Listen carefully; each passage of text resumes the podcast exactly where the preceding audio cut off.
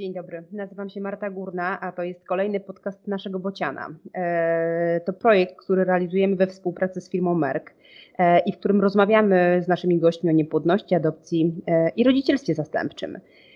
Do dzisiejszej rozmowy zaprosiłam Anitę Finczam, która oprócz tego, że jest ekspertką naszego Bociana i też wiceprzewodniczącą naszego stowarzyszenia, pracuję dla Fertility Europe, a rozmawiać z Anitą będziemy o tym, jak wygląda leczenie niepłodności w innych krajach europejskich, jak wygląda prawo, które reguluje kwestie leczenia e, w krajach Europy.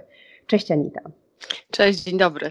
Dzień dobry wszystkim. Bardzo jest mi miło e, być gościnią w, w podcaście naszego Bociana. Anita, zacznijmy od Twojego pracodawcy. Co to takiego Fertility Europe? Czym się zajmuje ta organizacja?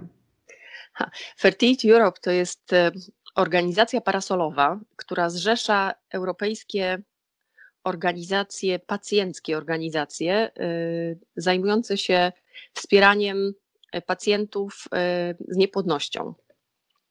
Mhm. Tych, tych organizacji jest w tej chwili 25 z 23 krajów. Nasz Bocian jest od lat też członkiem tej organizacji. Organizacja służy po pierwsze współpracy takiej pacjenckiej, ponieważ większość z naszych organizacji działa dzięki wolontariuszom. To potrzebujemy wymiany doświadczeń, potrzebujemy y, pomysłów na projekty, potrzebujemy rozmowy o tym, w jaki sposób y, można wspierać y, pacjentów na podstawie doświadczeń innych organizacji. Potrzebujemy te wiadomości, żeby były szybko, łatwo dostępne i w sposób taki, który, y, który, y, który rozumiemy, tak? Na poziomie pacjenckim, na mhm. poziomie, na poziomie takim, takim zwyczajnym, projektowym działa, do, do, do działania. I drugą kwestią, którą, którą wspólnie y, wprowadzamy w życie, to są działania rzecznicze, takie na no, takie europejskie ale mhm. też i narodowej. W, w każdym razie działając wspólnie jest nam łatwiej rozmawiać z, z Parlamentem Europejskim, z Radą Europy, z, z Komisją Europejską. Jest nam, możemy też y, wtedy rozmawiać z politykami na, y, w, w, krajach, tak, w krajach tychże organizacji, organizując tam spotkania y, i wspierając jakieś działania, działania rzecznicze y, w tych krajach, gdzie odbywa się spotkanie członków. E, co więcej, współpracujemy bardzo blisko z, z ESHRE, organizacją europejską zrzeszającą lekarzy i, i specjalistów związanych z medycyną reprodukcji i embriologii. E, gdybyśmy mieli e, wskazać takie, mm, e, takie widoczne dla naszych beneficjentów, dla pacjentów w Polsce obszary współpracy Fertility Europe i naszego Bociana, to to będzie na przykład Tydzień Świadomości Niepłodności, który razem organizujemy każdej jesieni od kilku lat. Mm, ale mm, tak na co dzień ta współpraca jest dla nas i, i, i dla Was tak. szalenie ważna w tych momentach, kiedy pytacie nas, właśnie o to, o czym dzisiaj będziemy rozmawiać. A jak wygląda prawo w Hiszpanii? A co jeżeli pojadę do Grecji? A tak. leczę się w, w, nie wiem, w Belgii? Jakie przepisy tutaj regulują leczenie? Czy mogę skorzystać z dawstwa, czy nie mogę? E, my na takie pytania uzyskujemy błyskawicznie odpowiedź właśnie dzięki temu, że współpracujemy blisko z organizacjami, które funkcjonują w innych państwach Europy. Mhm. Tak, dlatego że wiemy wtedy, mamy nie tylko te informacje, które można znaleźć w sieci, nie tylko te tak. informacje, które y, możemy znaleźć w przepisach, y, w regulacjach, w prawie, ale też znamy praktykę. Wiemy, znamy praktykę, wiemy, jak to się mhm. odbywa y, w rzeczywistości. I też nie zapominajmy o takich rzeczach, jak na przykład współpraca przy, przy, przy, przy projektach. Tak. Nie wiem, czy pamiętacie kampanię jeden, Jestem jeden na pięć. Mhm. To jest kampania, którą mamy dzięki naszym przyjaciołom z Chorwacji. Tak. Prawda? Tak. Tak, mhm. tak, faktycznie to był pomysł no. Y, organizacji chorwackiej, który y, no niesamowicie duży, pozytywny wydźwięk miał, tak. kiedy, kiedy ta kampania była prowadzona właśnie w Chorwacji i zapytaliśmy, czy moglibyśmy z tego doświadczenia skorzystać i, i taką zgodę otrzymaliśmy.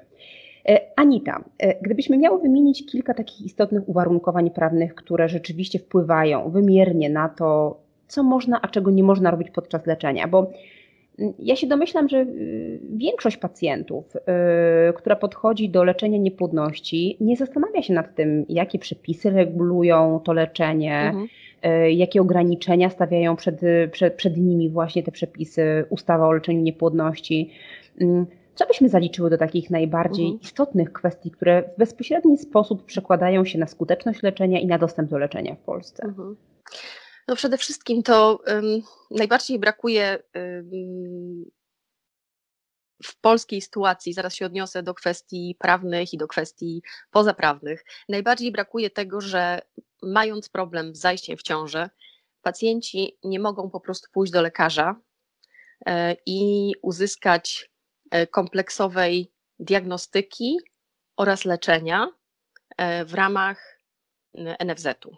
Mhm. A to się wiąże z, z dwiema kwestiami właściwie, z kwestią prawną i z kwestią refundacji, a właściwie jej braku. Więc od 2016 roku, kiedy został zlikwidowany program ministerialny refundacji leczenia in vitro, nie mamy refundacji. Pacjenci leczą niepłodność za własne pieniądze. Z czym to się wiąże, to jeszcze za chwilę porozmawiamy, bo to, bo to powoduje też duży, dużą stygmatyzację leczenia. Natomiast prawnie mm, sytuacja jest o tyle skomplikowana, że mamy e, ustawę o leczeniu niepłodności, która została, mm, która obowiązuje od 2015 roku. I jest to jedna z najbardziej, jeśli nie najbardziej restrykcyjna ustawa w Europie. E, ona ogranicza mrożenie, ogranicza, przepraszam, tworzenie ilości zarodków w jednym programie in vitro do sześciu. E, ona wyklucza z leczenia singielki, wyklucza z leczenia pary jednopłciowe, Mm, powoduje, że osoby, które zakończyły leczenie, ale mają jeszcze pozostające e, embriony, nie mogą spokojnie zakończyć leczenia, e, ponieważ wiedzą, że po 20 latach, jeśli tych embrionów nie odbiorą, one pójdą do adopcji bez ich zgody właściwie. Bez ich zgody, tak. Automatycznie. Bez ich zgody, bez, tak, takiej, czyli właściwie takiej przymusowej adopcji, wykluczającej zupełnie moment jakiejś dobrowolności. Ponadto jeszcze jest kwestia y, anonimowości dawstwa, która też y, no, jest niezgodna z trendami europejskimi, światowymi i mhm. niezgodna z wolą osób, które, dorosłych już osób, które urodziły się dzięki dawstwu i od, od lat, e, właściwie od lat 80. już mówią o tym, że chcą znać swoje pochodzenie, chcą, mhm. chcą wiedzieć, chcą znać swój genetyczne, swoje genetyczne korzenie. Mhm. Ja jeszcze może tylko powiem, że takie ograniczenia, jakie są w Polsce, czyli e, umożliwiające leczenie tylko parom heteroseksualnym, obowiązują w 11 krajach Europy, tylko na 44. Mhm. 30, e, 30 e, krajów dopuszcza leczenie e, singielek, mm, a 18 krajów dopuszcza leczenie par jednopłciowych kobiet, tak? Także. Ale żeby też była jasność, ta ustawa ma wiele wad jedną z tych wad, o której, o której jeszcze bezpośrednio nie wspomniałaś, ale nawiązałaś na początku, jest to, że ona nie wskazuje jednoznacznie, że leczenie niepłodności powinno być e, w pełni refundowane. Bo tak jakby brak refundacji nie wynika z tego, że przepisy na to nie pozwalają, ale nie oznaczają jednoznacznie, znaczy nie wskazują jednoznacznie, że ta refundacja powinna być i, i kropka, że ona nam się jako tak. pacjentom należy, a wynika to bezpośrednio z praw pacjenta, o których kilka dni temu zresztą wspominaliśmy, że pacjent ma prawo do e, bezpłatnego leczenia w ramach, w ramach e, ubezpieczenia zdrowotnego. Natomiast sam fakt, że ta ustawa jest, na pewno mm, dla pacjentów oznacza y, bezpieczeństwo, bo w sytuacji, tak. kiedy żadnej ustawy nie mieliśmy w Polsce i kiedy właściwie leczenie niepłodności było zawieszone w próżni, mogliśmy się martwić o to, czy ośrodek, do którego się wybieramy, ma odpowiednie doświadczenie, odpowiednie zaplecze, e, czy to leczenie będzie zgodne z, z aktualną wiedzą medyczną. Tą część tych kwestii zapewniających bezpieczeństwo ta ustawa reguluje i to niewątpliwie jest jej zaleta, ale faktycznie oprócz tak. tego te liczne ograniczenia. Mhm. Jakbyśmy trochę bliżej Anita opowiedziała o tych ograniczeniach. Sześć możliwych do zapłodnienia e, komórek i wskazanie do setu. Bardzo często y, pacjenci narzekają na te ograniczenia. Czy one mają tylko y, minusy, czy, czy jednak byśmy dostrzegły kilka, kilka zalet?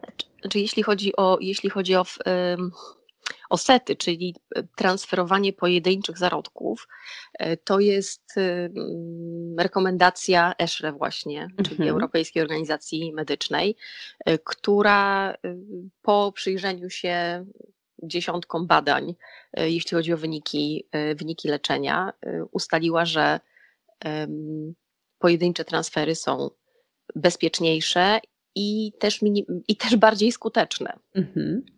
Czyli jakby z punktu widzenia pacjenta skuteczności y, ciąży y, jest jak najbardziej to wskazane. Dodatkowo jest kwestia y, zmniejszenia ryzyka urodzenia się bliźniaków albo trojatków, bo przecież embriony też potrafią dzielić się już w macicy. Tak.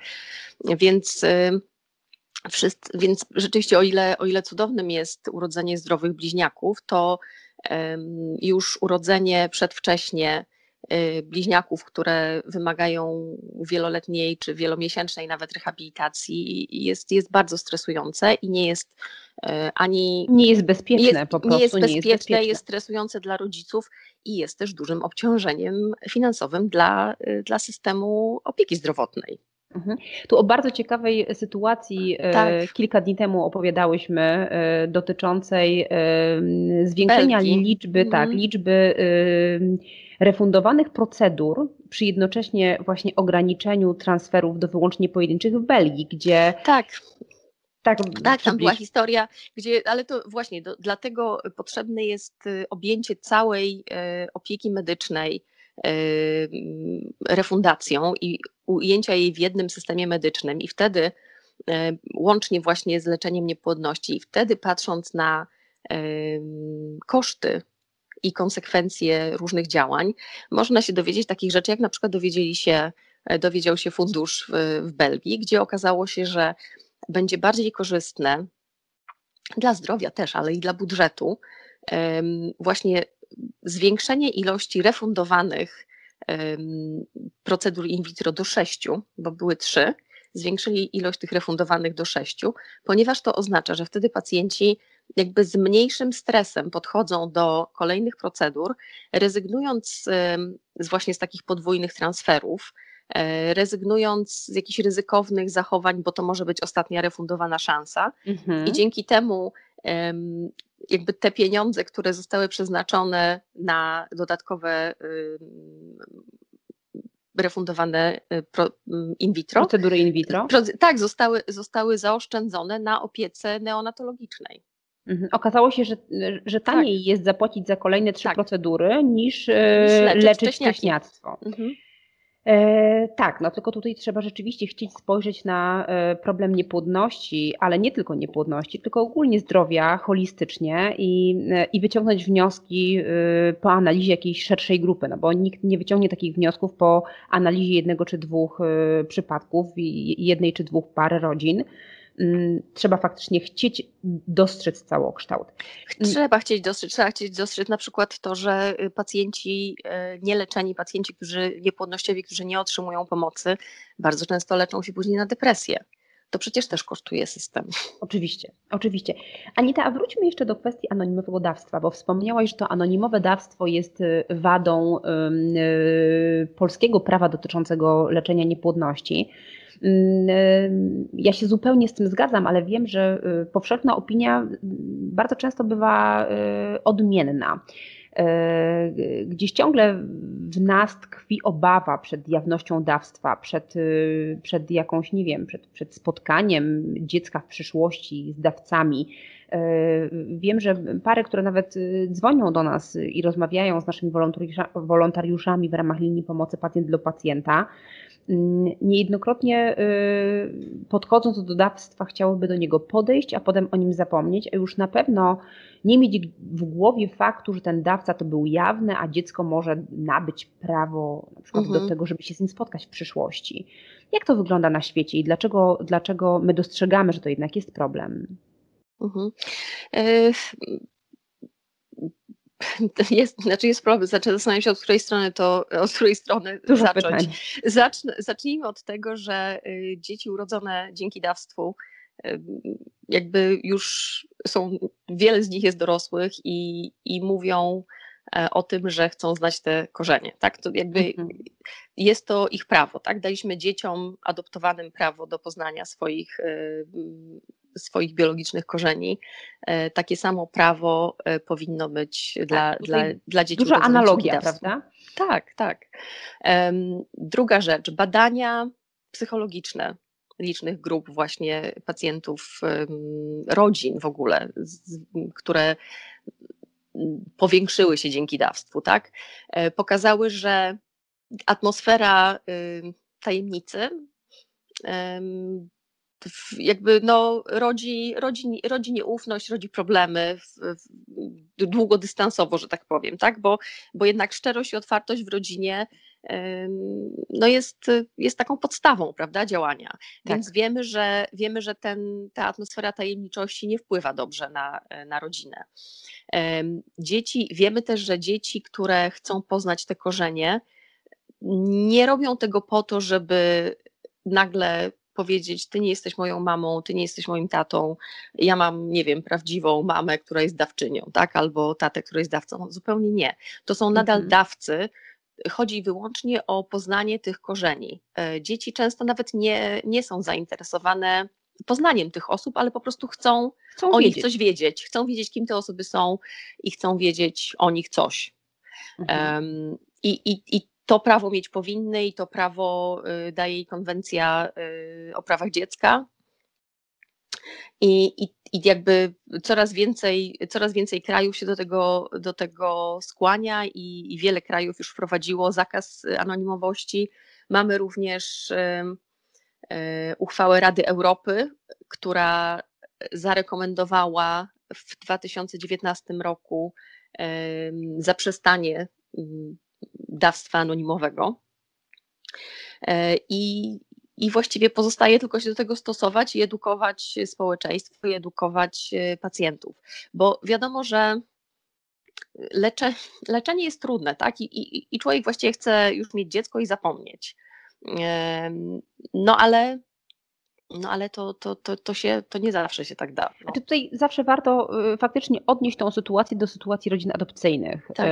A adopcja jest czymś, co jest y, częścią naszej historii, a nie y, epizodem, o którym się zapomina. Tak. Znaczy dużą, jest... tak, tak, absolutnie. Nam jest jeszcze dużą obawą pacjentów jest, jest pacjentów i lekarzy jest to, że w sytuacji, kiedy dawcy będą jawni, to po prostu ich nie będzie, bo nie będą mhm. chcieli się zdecydować na dawstwo, wiedząc, że, że dzieci mogą za lat 18 zapukać do ich drzwi.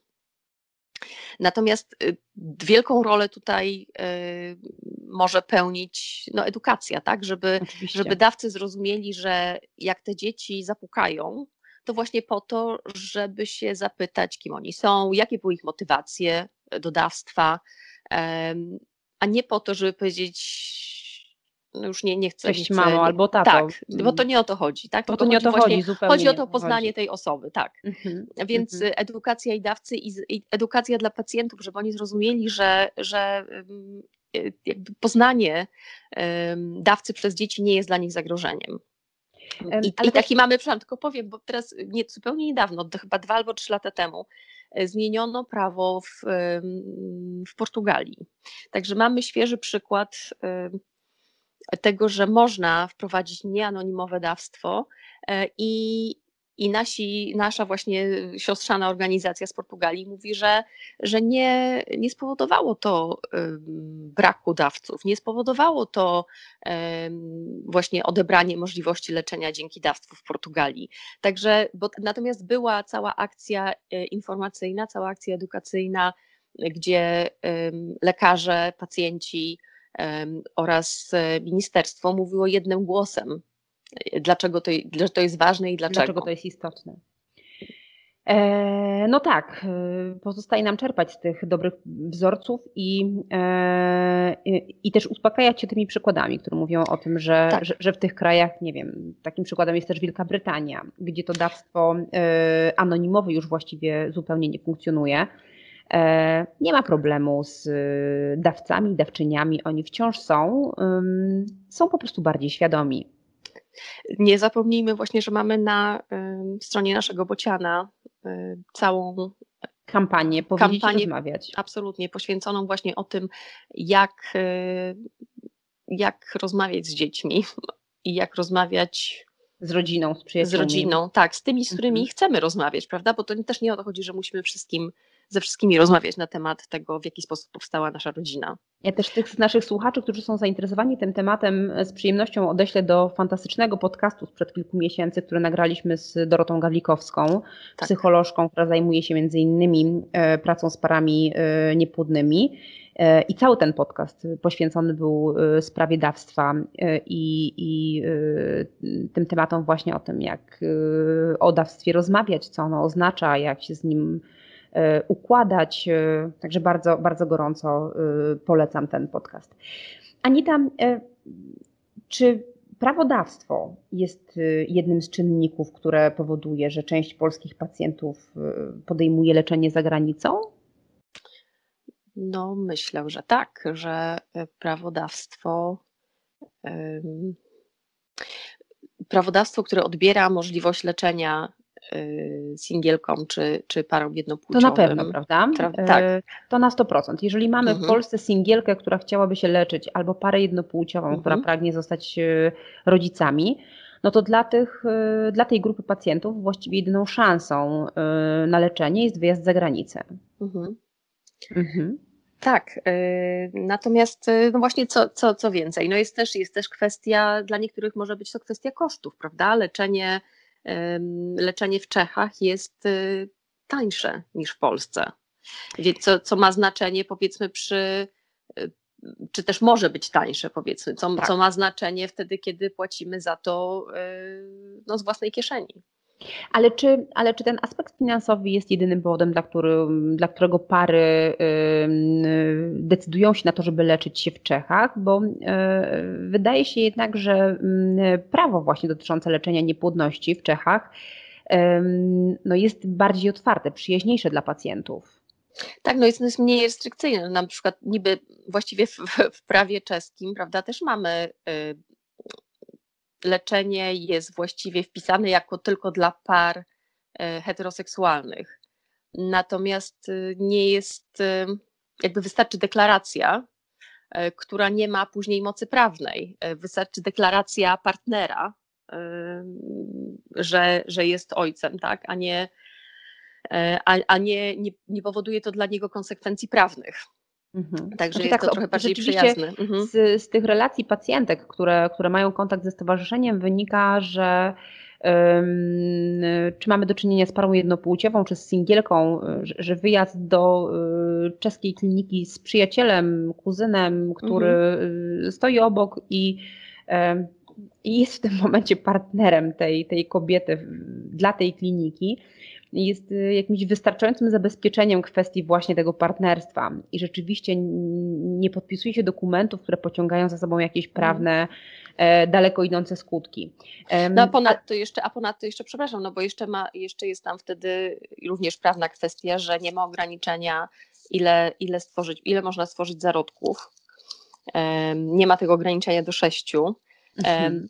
I nie ma też stresu związanego z tym, że jeśli tych zarodków będzie za dużo, to że one trafią do y, przymusowej, anonimowej adopcji. Mhm. Tak, bo tutaj to ograniczenie w ilości zapłodnianych komórek jajowych to jest taka sprawa, którą należałoby e, analizować pod e, wieloma kątami, bardzo wieloaspektowa, mhm. bo to ograniczenie jest e, dobrym pomysłem w sytuacji, kiedy mamy refundowane leczenie. Wielokrotnie refundowane. Wielokrotnie tak. refundowane, mhm. czyli wiemy, że E, no oczywiście w momencie, kiedy podczas procedury in vitro zapłodniony zostaje 10 oocytów, szans na to, że urodzi się dzięki temu dziecko, dzięki tej procedurze jest większa niż wtedy, kiedy tych oocytów zapłodnimy 6. E, ale z kolei taka stymulacja w sytuacji, kiedy wiemy, że im więcej oocytów będzie, tym szansa mhm. jest większa, powoduje mm, zwiększenie ryzyka przystymulowania pacjentki, tak. co jest zagrożeniem dla jej zdrowia, a nawet życia. Tak. Czyli tutaj to ograniczenie byłoby fajne, byłoby mądre pod warunkiem zapewnienia refundacji. No a tego w Polsce nie ma. Um, pary, które leczą się w Czechach, no też nie, nie mogą liczyć na żadną refundację, bo też nie są obywatelami tak. Czech. Natomiast no, zapłodnienie większej liczby komórek jajowych powoduje, że ta ich szansa na ciążę się zwiększa. I teraz pojawia się kolejny aspekt e, właśnie tych zarodków, których para może nie wykorzystać, jeżeli mhm. będzie ich zbyt dużo. I o ile w Polsce mm, to faktycznie jest y, mm, problem e, i sprawa, którą żyjemy y, przez długie lata, bo musimy zdecydować, czy te zarodki oddajemy do adopcji e, świadomie wcześniej, czy oddajemy je do adopcji, czy właściwie zostaną oddane do adopcji y, bez naszej bezpośredniej zgody po 20 latach czy też podchodzimy do kolejnych transferów, jeżeli pozwala nam na to zdrowie, mhm. mimo że nie planowaliśmy mieć, nie wiem, trójki czy No właśnie, ale to też, to, no, to, no, to też nie jest tak, że przecież to nie jest w porządku, żeby pacjenci podchodzili do transferów, żeby jakby ryzykowali, Ładnie. nie wiem, dobrostan swojej rodziny, mm, mając więcej dzieci niż są w stanie sobie ułożyć je w głowie i w życiu. E, dlatego właśnie tylko, żeby, żeby powstrzymać e, państwo przed oddaniem ich zarodków e, komuś, komuś obcemu, tak? W dodatku anonimowo. Dokładnie, a też pamiętam mhm. taką niesamowicie mocną rozmowę z jedną z pacjentek linii pomocy pacjent dla pacjenta, która podeszła do transferu zarodka, pomimo że już y, wiedziała, że nie, nie mogą, nie powinni decydować się mhm. z partnerem na kolejne dziecko. I ten transfer został wykonany w czasie, który nie rokował na ciążę. Mhm. E, I e, pamiętam e, rozpacz tej, tej, tej dziewczyny, która była postawiona w takiej sytuacji podejścia do transferu, gdzie prostu jakiś ogrom sprzecznych uczuć. Mhm. Z jednej mhm. strony, żeby się nie udało, a z drugiej strony jestem po transferze. Byłam już nieraz po transferze, zawsze czekałam na pozytywną betę. Mhm. To są tak trudne sytuacje, których nawet nie sposób nam sobie wyobrazić tak długo, jak nie zostaniemy w nich mhm. postawieni. W Czechach sytuacja wygląda inaczej, ponieważ w Czechach nie ma y, przepisów, które miałyby zabraniać y, niszczenia zarodków. W Czechach te zarodki, które zostają niewykorzystane, mogą być e, po prostu zneutralizowane. Absolutnie.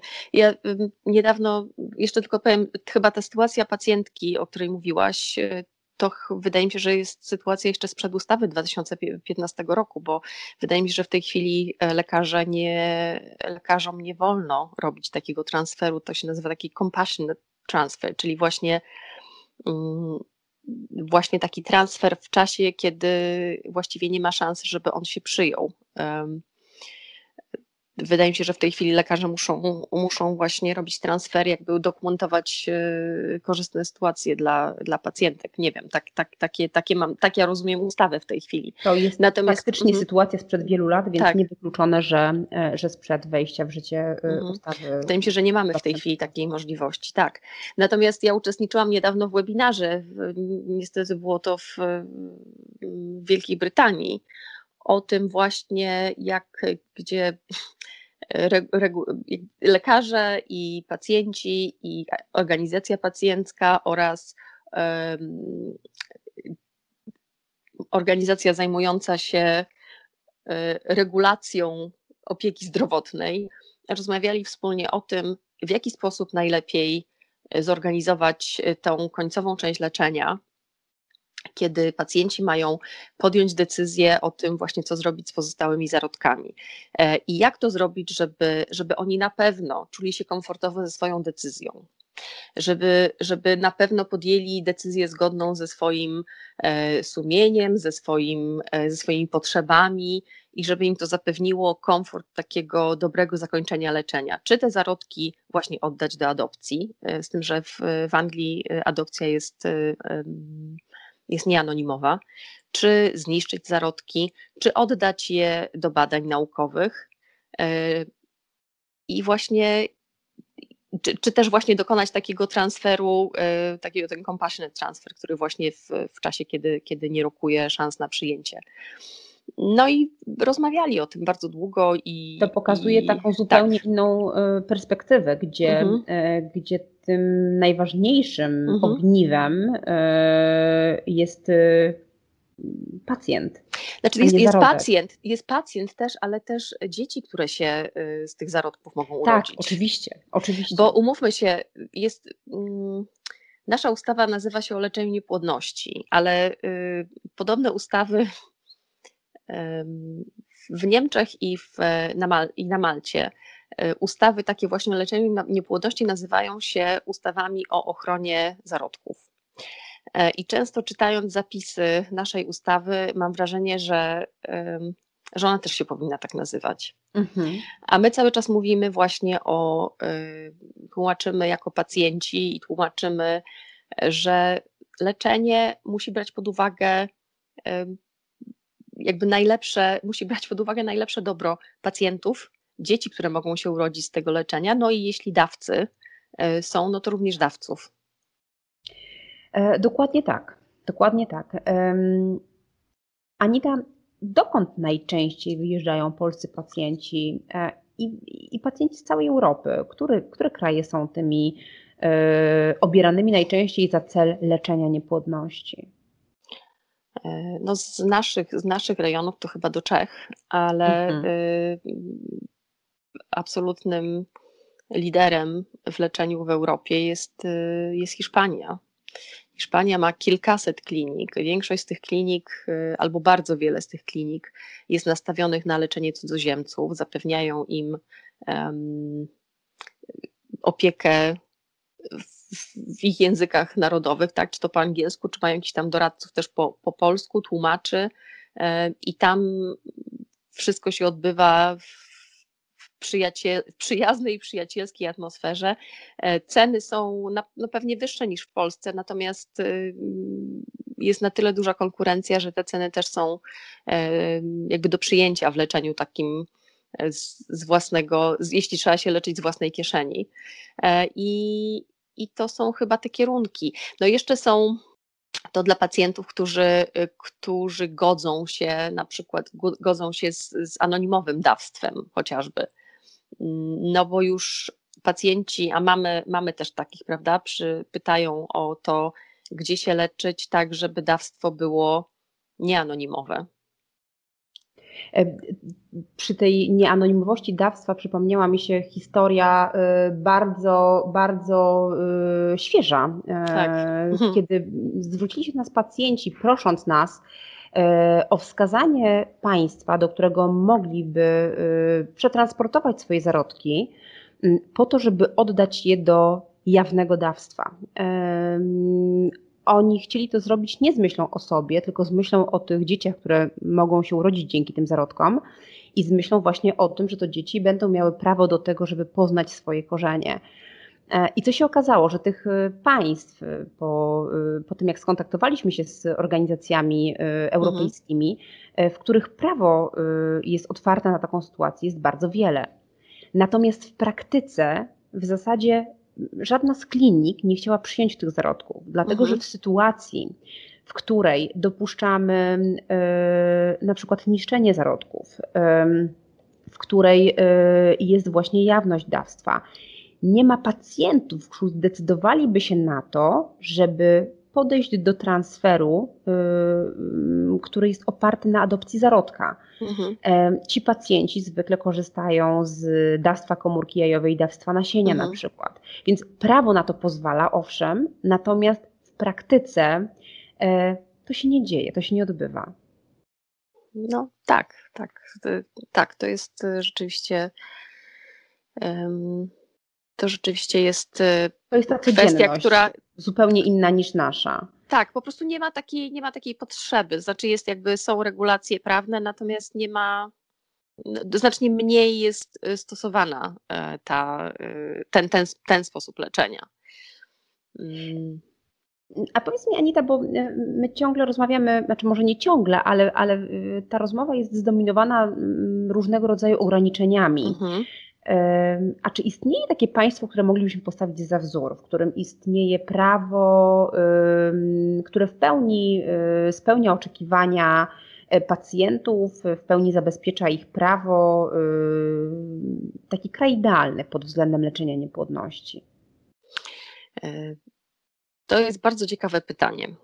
E, kraj idealny, szukamy takiego kraju podczas pracy nad y, projektem, który w tej chwili zajmuje się Fertility Euro we współpracy z e, Europejskim, Europejskim e, Forum e, parlamentarnym, parlamentarnym do spraw praw reprodukcyjnych i seksualnych. Mm, pracujemy nad projektem, który się nazywa Atlas dostępu do leczenia. Forum już ma na koncie takie atlasy dostępu do e, aborcji, do e, antykoncepcji i, i jeszcze pracuje nad kilkoma innymi. I to są bardzo ciekawe publikacje, które y, mają pomóc, mają pomóc w takich działaniach rzeczniczych y, w Europie na rzecz poprawy y, tych, tych, tychże praw seksualnych i reprodukcyjnych.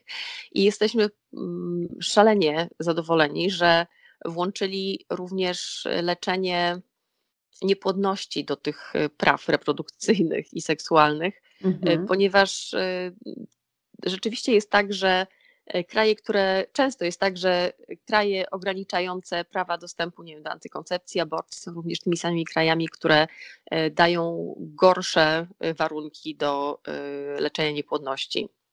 I są to i, i kwestia tego y, decydowania, kiedy, kiedy i jak pacjenci, pacjenci, kiedy jak ludzie chcą mieć dzieci i, i zwłaszcza kobiety, tak, jeśli chodzi o tą właśnie ograniczenie ich płodności, czy, czy to, to, jest, to jest właściwie, to są dwie strony dwie strony tej samej monety. Także bardzo jesteśmy zadowoleni z tego, z pracy nad tym projektem. Natomiast jeśli chodzi właśnie o znalezienie takiego E, idealnego kraju, to mamy kilku liderów, e, przyglądając się właśnie uregulowaniom, uregulowaniom europejskim. I myślę, że najbliższe, e, najbliższe ideału, jeśli chodzi o regulacje prawne, są w Wielkiej Brytanii. Mhm. Jest tam dostęp dla wszystkich wszystkich, którzy chcą się leczyć, jakby wszyscy, każdy może być pacjentem. E, jest, są uregulowane kwestie e, i dawstwa e, właśnie jako, jako nieanonimowe. Są uregulowane kwestie surrogacji, o której jeszcze dzisiaj nie wspominałyśmy, a to jest kolejny temat, który może nie dotyczy wielkiej ilości pacjentów, natomiast jest, może być jeśli nie jest uregulowany, a nie jest, no to niestety nadal się dzieje i jest źródłem no, patologii też, prawda, w, w, w krajach europejskich. Tak, no bo powiedzmy sobie, mhm. że właściwie wszelkie ograniczenia, o których tak. rozmawiamy, one tak naprawdę nie powodują, że jakiś problem Otóż znika, to. tylko powodują, że że pacjenci leczą się w sposób, który nie zapewnia im bezpieczeństwa. No to, że my nie pozwalamy na y, leczenie w klinice leczenia niepłodności singielce, mm, może się skończyć tak, że ta y, singielka skorzysta z usług y, tak zwanego dawcy. Tak zwanego internetu. dawcy, który ogłasza się na portalu mhm. internetowym, który jest nieprzebadany i nieznane są jego motywacje i, i, I, nawet nie chciałabym próbować wymieniać zagrożeń, które z tego wynikają. Także no, zagrożenia surrogacją. Jeżeli Absolutnie. my jej nie uregulujemy, tylko nie mamy żadnych regulacji, które dotyczą te, tego akurat aspektu leczenia, mhm. to nie jest tak, że ta surrogacja. Dodajmy, że to akurat podobnie jak większość krajów europejskich, tak? Mamy, tak, mamy tak. nieliczne kraje europejskie, które uregulowały surrogację. No i właśnie Wielka Brytania jest jednym, jedną z nich. E, I E, to zaraz, zaraz jeszcze do surrogacji wrócimy, ale właśnie właściwie jeśli chodzi o Wielką Brytanię, to leczenie tutaj, to wada jest y, taka najgłówniejsza, jest jedna, e, mianowicie mm, nierówność, nierówny dostęp do refundacji. Tak, mhm.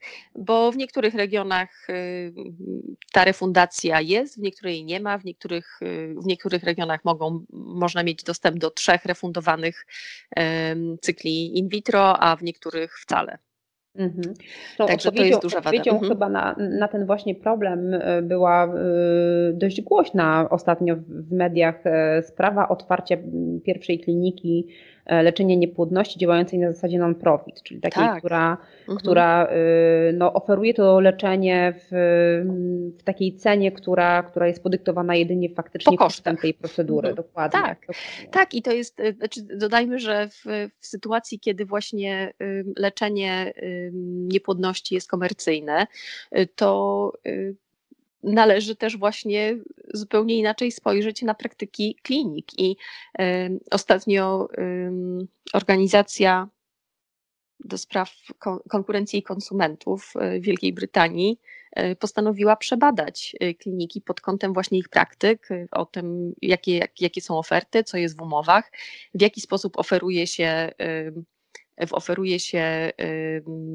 leczenie, jakieś takie dodatkowe leczenia, tak zwane adonsy, E, o nie, nieprzebadanej albo nieudowodnionej skuteczności. Tak. E, więc y, mówimy tutaj, mówimy właśnie tutaj, mówimy tutaj o leczeniu czy mówimy o usłudze, tak? Mówimy o pacjentach, czy mówimy o klientach. Tak. No, to jest y, i podobną sytuację mamy w Polsce, tak? Bo pacjent, pacjent przychodzący do kliniki niepłodności no jest niestety klientem w sytuacji braku refundacji. Oczywiście, szczególnie mając na uwadze to, jak to leczenie jest drogie e, mhm. i, e, i to, że jednak to leczenie niepłodności, ono się odbywa szczególnie w krajach, w których rzeczywiście e, uwarunkowania prawne, skuteczność leczenia, w miarę przystępna cena sprawiają, że to leczenie jest korzystne w danym kraju. No, to jest ogromny rynek. Tutaj też, też nie należy temu zaprzeczać i, e, i udawać, że tego nie ma. Mhm. Przygotowując się do naszej rozmowy, powiedziałaś coś, co po prostu nie mieści mi się niemalże w głowie, że w Hiszpanii funkcjonuje 500 klinik, które zajmują się leczeniem niepłodności. No właśnie ja próbowałam teraz znaleźć tą informację w, w internecie, bo to, to słyszałam, od, słyszałam od Hiszpana, który, z którym współpracuję przy E, przy projekcie i próbowałam to zweryfikować i znalazłam około 300, ale no tak czy inaczej to dalej jest, jest to absolutnie imponująca, yy, tak, imponująca tak. Ilość. I z tym, że Hiszpanie mają refundację in vitro i, i dla Hiszpanów ta refundacja istnieje dla, dla hiszpańskich pacjentów, natomiast rzeczywiście no, Hiszpania się wyspecjalizowała w leczeniu cudzoziemców. Mhm. I, no, i tam, to, to leczenie się, jest mhm. też szczególnie korzystne dla pacjentów z mm, Europy, z tej droższej Europy, bo tak, o ile dla tak. E, Polaków leczących się w mhm. Hiszpanii to leczenie jest tam w miarę przystępne cenowo, ale wciąż droższe niż w Polsce, mhm. O tle na przykład Brytyjczycy, którzy decydują się na to, żeby leczyć w Hiszpanii, mhm. e, a jak wspomniałaś, część z nich w Wielkiej Brytanii też za tą procedurę musiałaby zapłacić. Tak. No oni na, na, na tym wyjeździe y, związanym z leczeniem y, no, oszczędzają ogromne pieniądze, ponieważ to leczenie hiszpańskie w Hiszpanii jest znacznie tańsze niż w Wielkiej Brytanii. Także no, ta, ta mnogość faktycznie tych, tych aspektów, które trzeba mieć na uwadze, analizując i mhm. prawodawstwo, i dostęp do leczenia. E, no, no tak, to jest ale ogromny czym, temat. Ale znowu z czym to się wiąże? Pacjenci, którzy, którzy na przykład jadą się leczyć do e, Hiszpanii, pacjent, pacjenci angielscy, tak, którzy lecą, lecą do Hiszpanii się leczyć, a chcą skorzystać z dawstwa, powoduje to, że prawo ich dzieci do poznania hmm genetycznych korzeni jest im odebrane, tak? Bo tak. w Hiszpanii nadal jest y, dawstwo anonimowe. Wprawdzie słyszę, że zaczynają się rozmowy na temat, y, na temat zmiany tych przepisów, no ale, no ale nadal jest anonimowe, tak? Więc y, dzieci, dzieciom jest to prawo odebrane, tak? Choć, choć angielskie prawo nakazuje, by było to dawstwo nieanonimowe. Mhm. To przypomina mi jeszcze sytuację z z Chorwacji, gdzie pacjenci, którzy, przepraszam, nawet leczą się w ramach refundacji, bo dodam jeszcze, że nasi, nasi, pacje, nasi, nasza organizacja pacjencka z Chorwacji, nasza siostrzana organizacja wykonała niesamowitą pracę nad, nad tym, żeby również taki katolicki kraj jak Polski e, i bardzo konserwatywny e, przeprowadzić przez zmianę przez zmianę prawa i, i dopuścić mrożenie zarodków i dopuścić, e, dopuścić e, refundację in vitro i, i, i, jesteśmy z nich bardzo dumni i mamy nadzieję, że kiedyś, kiedyś i nasz kraj. Wrócimy do tej do wrócimy, czasów, bo nam wrócimy też się udało, tak, tylko tak, potem tak, nam to tak, tak zabrano. Tak, no. E, I, ale w każdym razie oni e, nawet w ramach tego leczenia e, na ich fundusz, jeśli potrzebują dawstwa, w Chorwacji dawstwo jest nieanonimowe, Natomiast de facto nie powstał, nie powstał bank dawców, nie ma praktyki dawstwa i pacjenci są wysyłani do Czech, gdzie wprawdzie ich fundusz refunduje to leczenie pacjentom w Czechach, natomiast znowu jest im odebrana ta nieanonimowość. Dawcy... Czyli, mamy, czyli mamy państwo, które ma refundację tak. i ma dawstwo nieanonimowe, ale ponieważ nie ma banków, to wysyła tak. swoich y, pacjentów do innego kraju, płaci za to leczenie w innym kraju, ale tam już dawstwo jest anonimowe. Dokładnie tak.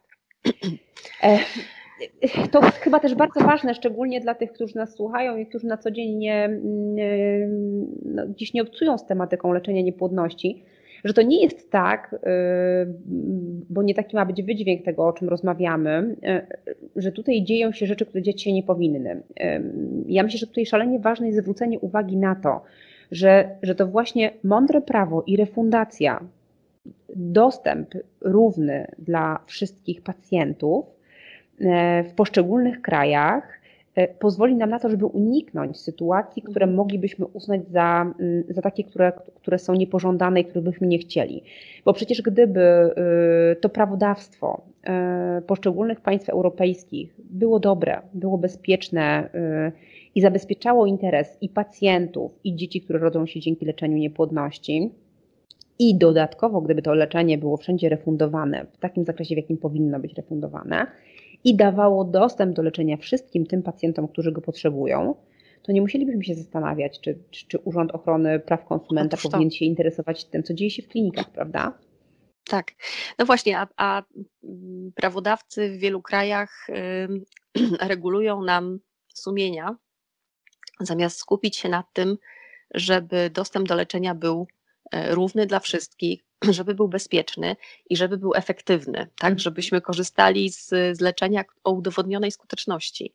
Y, a jeśli chodzi o względy, nie wiem, etyczne czy religijne, zostawmy to pacjentom pacjenci nie mają obowiązku leczyć się w taki czy inny sposób. Jeśli, jeśli ktoś nie, nie ma w sobie e, zgody na to, żeby, żeby robić, żeby leczyć się pozaustrojowo, to, to, to, to nie ma takiego obowiązku. Natomiast, Jeżeli nie będzie chciał, tak. żeby jego zarodki były poddawane kriokonserwacji, to, to się na to nie zgodzi i, i dopuści zapłodnienia dwóch komórek jajowych czy jednej komórki jajowej.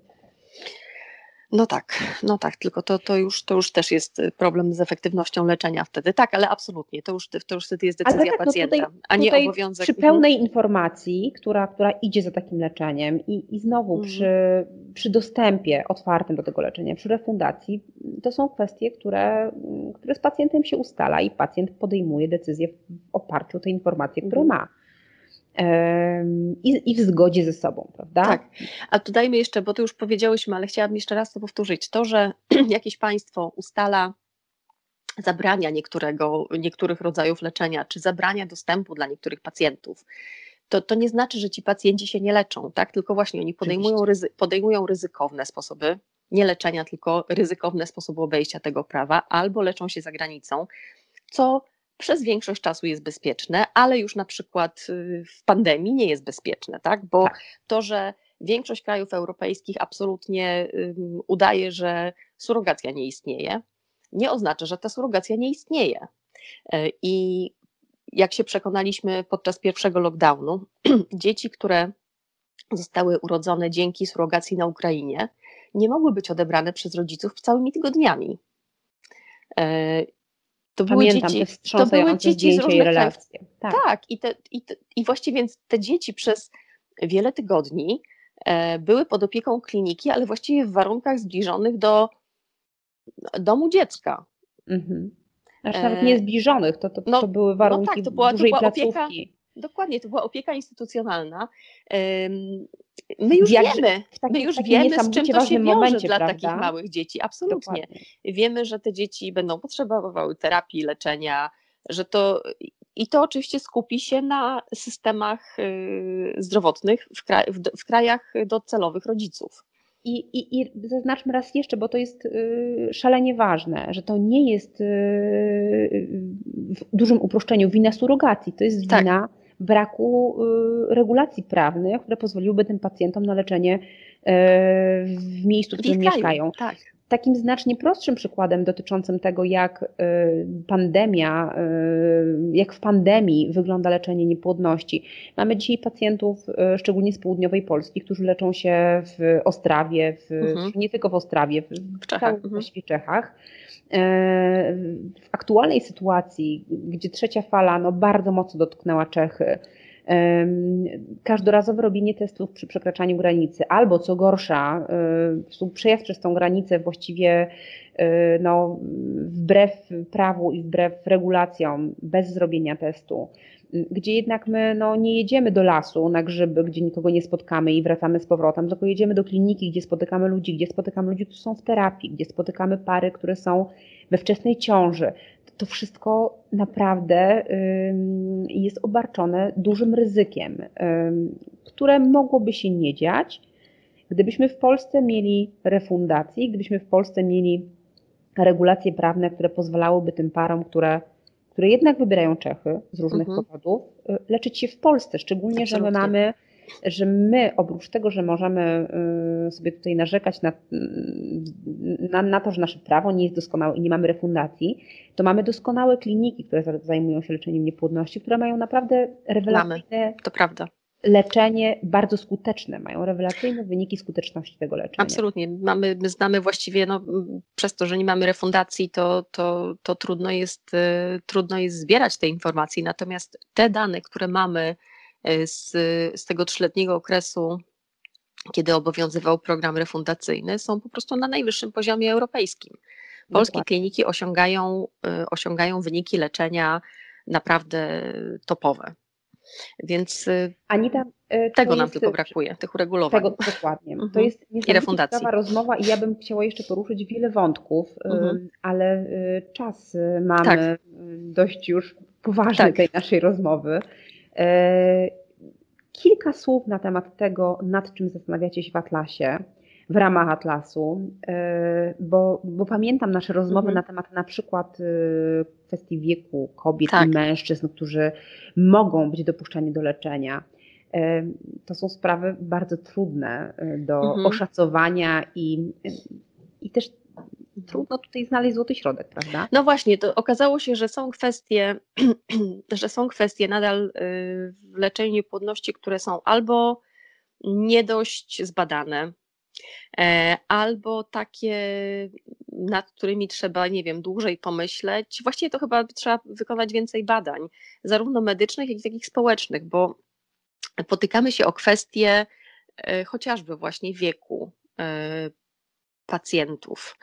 I teraz tak, mamy kwestię wieku kobiet e, i mamy kwestię wieku mężczyzn. I mamy kwestie związane z, z biologią, czyli, czyli na przykład, nie wiem, kiedy, kiedy po prostu biologicznie kobieta, nie wiem, może, nie może już mieć dzieci, tak, przychodzi menopauza, czy okres przedmenopauzalny, czy też y, już jajniki nie produkują komórek na takim poziomie, z których można uzyskać zarodek.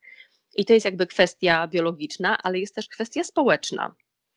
E, bo kobieta, która już nie produkuje właśnie jajeczek, może nadal skorzystać z dawstwa, więc teraz pytanie, mhm. czy, czy powinniśmy ustalać, e, do jakiego wieku kobieta może korzystać z dawstwa i na jakiej podstawie mamy ustalić ten wiek. E, a myślimy o tym chociażby dlatego, że również dla mężczyzn należy y, pomyśleć właśnie, czy, czy powinny być też obostrzenia związane z wiekiem. Bo z jednej tak, strony no bo... w takiej biologicznej wiemy, że dzieci starszych, starszych ojców obarczone są większym ryzykiem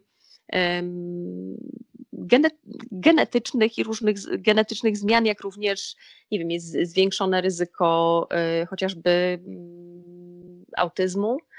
E, natomiast to jest, y, to jest, to jest kwestia znowu ta biologiczna, ale jest też kwestia społeczna, tak? Czy, mhm. Czy, mamy, czy mamy prawo, czy powinniśmy decydować? E, tu by trzeba właśnie dokładnie zbadać kwestie związane z potrzebami dziecka, z potrzebami tych rodziców. I właściwie tego nie wiemy. I więc kraje różnie te, te, te granice wiekowe ustalają. I trudno, jest nam, I trudno jest nam ustalić, trudno jest nam uzgodnić, jak też powinno być e, w tym kraju. Także mhm. są takie kwestie, które po prostu mówimy, no trzeba, trzeba o nich rozmawiać, trzeba tak, tym bardziej, wykonać tym więcej bardziej, badań. że w różnych państwach mhm. kwestie demograficzne też wyglądają mhm. inaczej. Choćby średnia długość życia, ona pomiędzy poszczególnymi państwami europejskimi E, waha się nie o rok, o dwa, tylko mhm. o 10 albo i więcej lat. To, mhm. to wszystko ma przełożenie na to, jeżeli my analizujemy kwestię właśnie dostępności do leczenia pod kątem takiego rodzicielstwa społecznego i pod kątem prawa dzieci do dorastania z rodzicami, e, no to wszystko trzeba mieć na uwadze. To faktycznie są szalenie trudne kwestie. Tak, dlatego właśnie, dlatego właśnie musimy, musimy to rozmawiać i zamierzamy oznaczyć po prostu, że są takie kwestie, które jeszcze, co do których, no nie wiem, nie ma albo nie ma jednoznacznej zgody, albo, albo właśnie o których chcemy rozmawiać. Jest też nie wszystkie kraje, nie wszystkie kraje chcą jeszcze uwzględnić surrogację. Jest wiele obaw związanych właśnie z wykorzystaniem surrogatek. Jest wiele obaw związanych właśnie z takim no z brakiem, też z brakiem wiedzy na temat surrogacji, z brakiem wiedzy na temat, jak surrogacja może być bezpiecznie y, urządzona.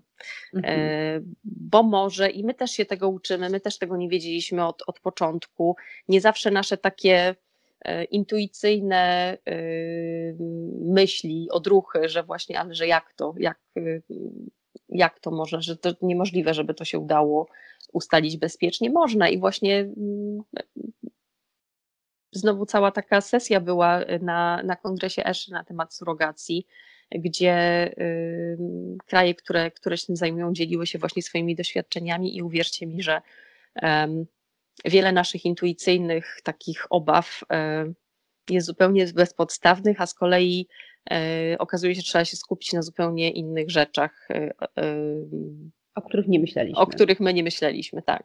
No. Anita, podsumowując to wszystko, mhm. o czym dzisiaj rozmawiamy, jak moglibyśmy chcieć zmienić polskie prawo e, i czy, i czy my, pacjenci, mamy na to jakikolwiek wpływ, co się z tym prawem wydarzy?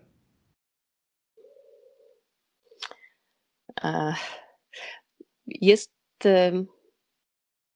jest taka, znaczy my cały czas staramy się edukować pacjentów e, w tym, jak wygląda, w kwestiach, jak wygląda i jak powinno wyglądać dobre leczenie, jak powinny wyglądać e, bezpieczne mm, regulacje i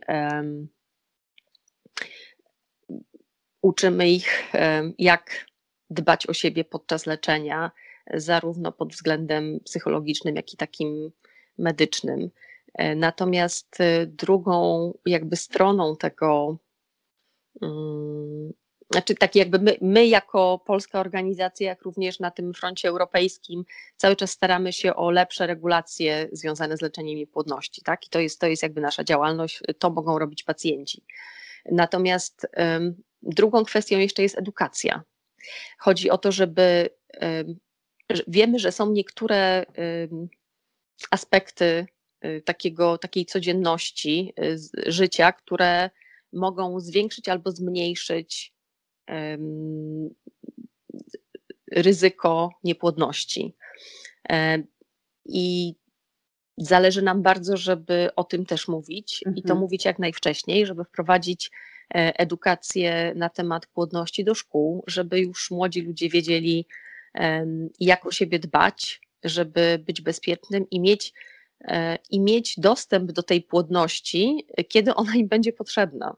Mhm. Jak również mieć świadomość, jakby czego, czego realnie od płodności można oczekiwać, tak? Że, że tam są jakieś, nie wiem, jakiś zakres czasowy, że tak, że mieć też świadomość ograniczeń. Że jest częścią tego, zdrowia, tak, tak. I tego, jak, jak, jak ogromnym problemem dzisiaj y, zdrowotnym, społecznym mhm. jest niepłodność. Tak, że, że jaka to jest skala i, i, i po prostu, żeby wiedzieli też, kiedy, kiedy jest czas zwrócić się z tym do lekarza. Mhm jeśli jest problem. Więc to jest, więc również uczestniczymy we wszystkich e, edukacyjnych projektach e, i, i, i, mam nadzieję, że wkrótce będzie tych projektów jeszcze więcej, bo w tej chwili bardzo, e, bardzo, duży, bardzo dużo uwagi poświęca się tej kwestii. Są już kraje, które wprowadziły edukację, mm, edukację o płodności do, do szkół, tak? do, do edukacji seksualnej, tak? My jeszcze musimy popracować nad, nad edukacją seksualną. seksualną, tak, którą w tej chwili zajmują się NGOsy typu Ponton oraz tak, instagramerzy. Tak. Kasia, co z tym seksem, czy WDŻ dla dorosłych, tak? Zaawansowanych, przepraszam.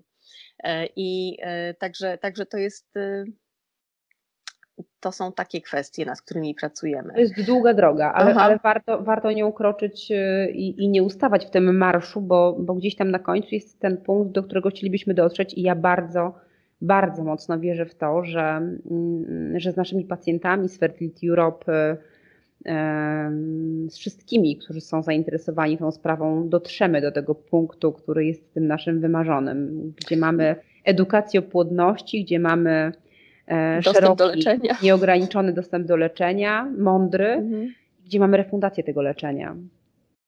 Tak, i jeszcze, jeszcze możemy dodać jedną rzecz, żeby zwiększyć poziom, e, poziom trudności.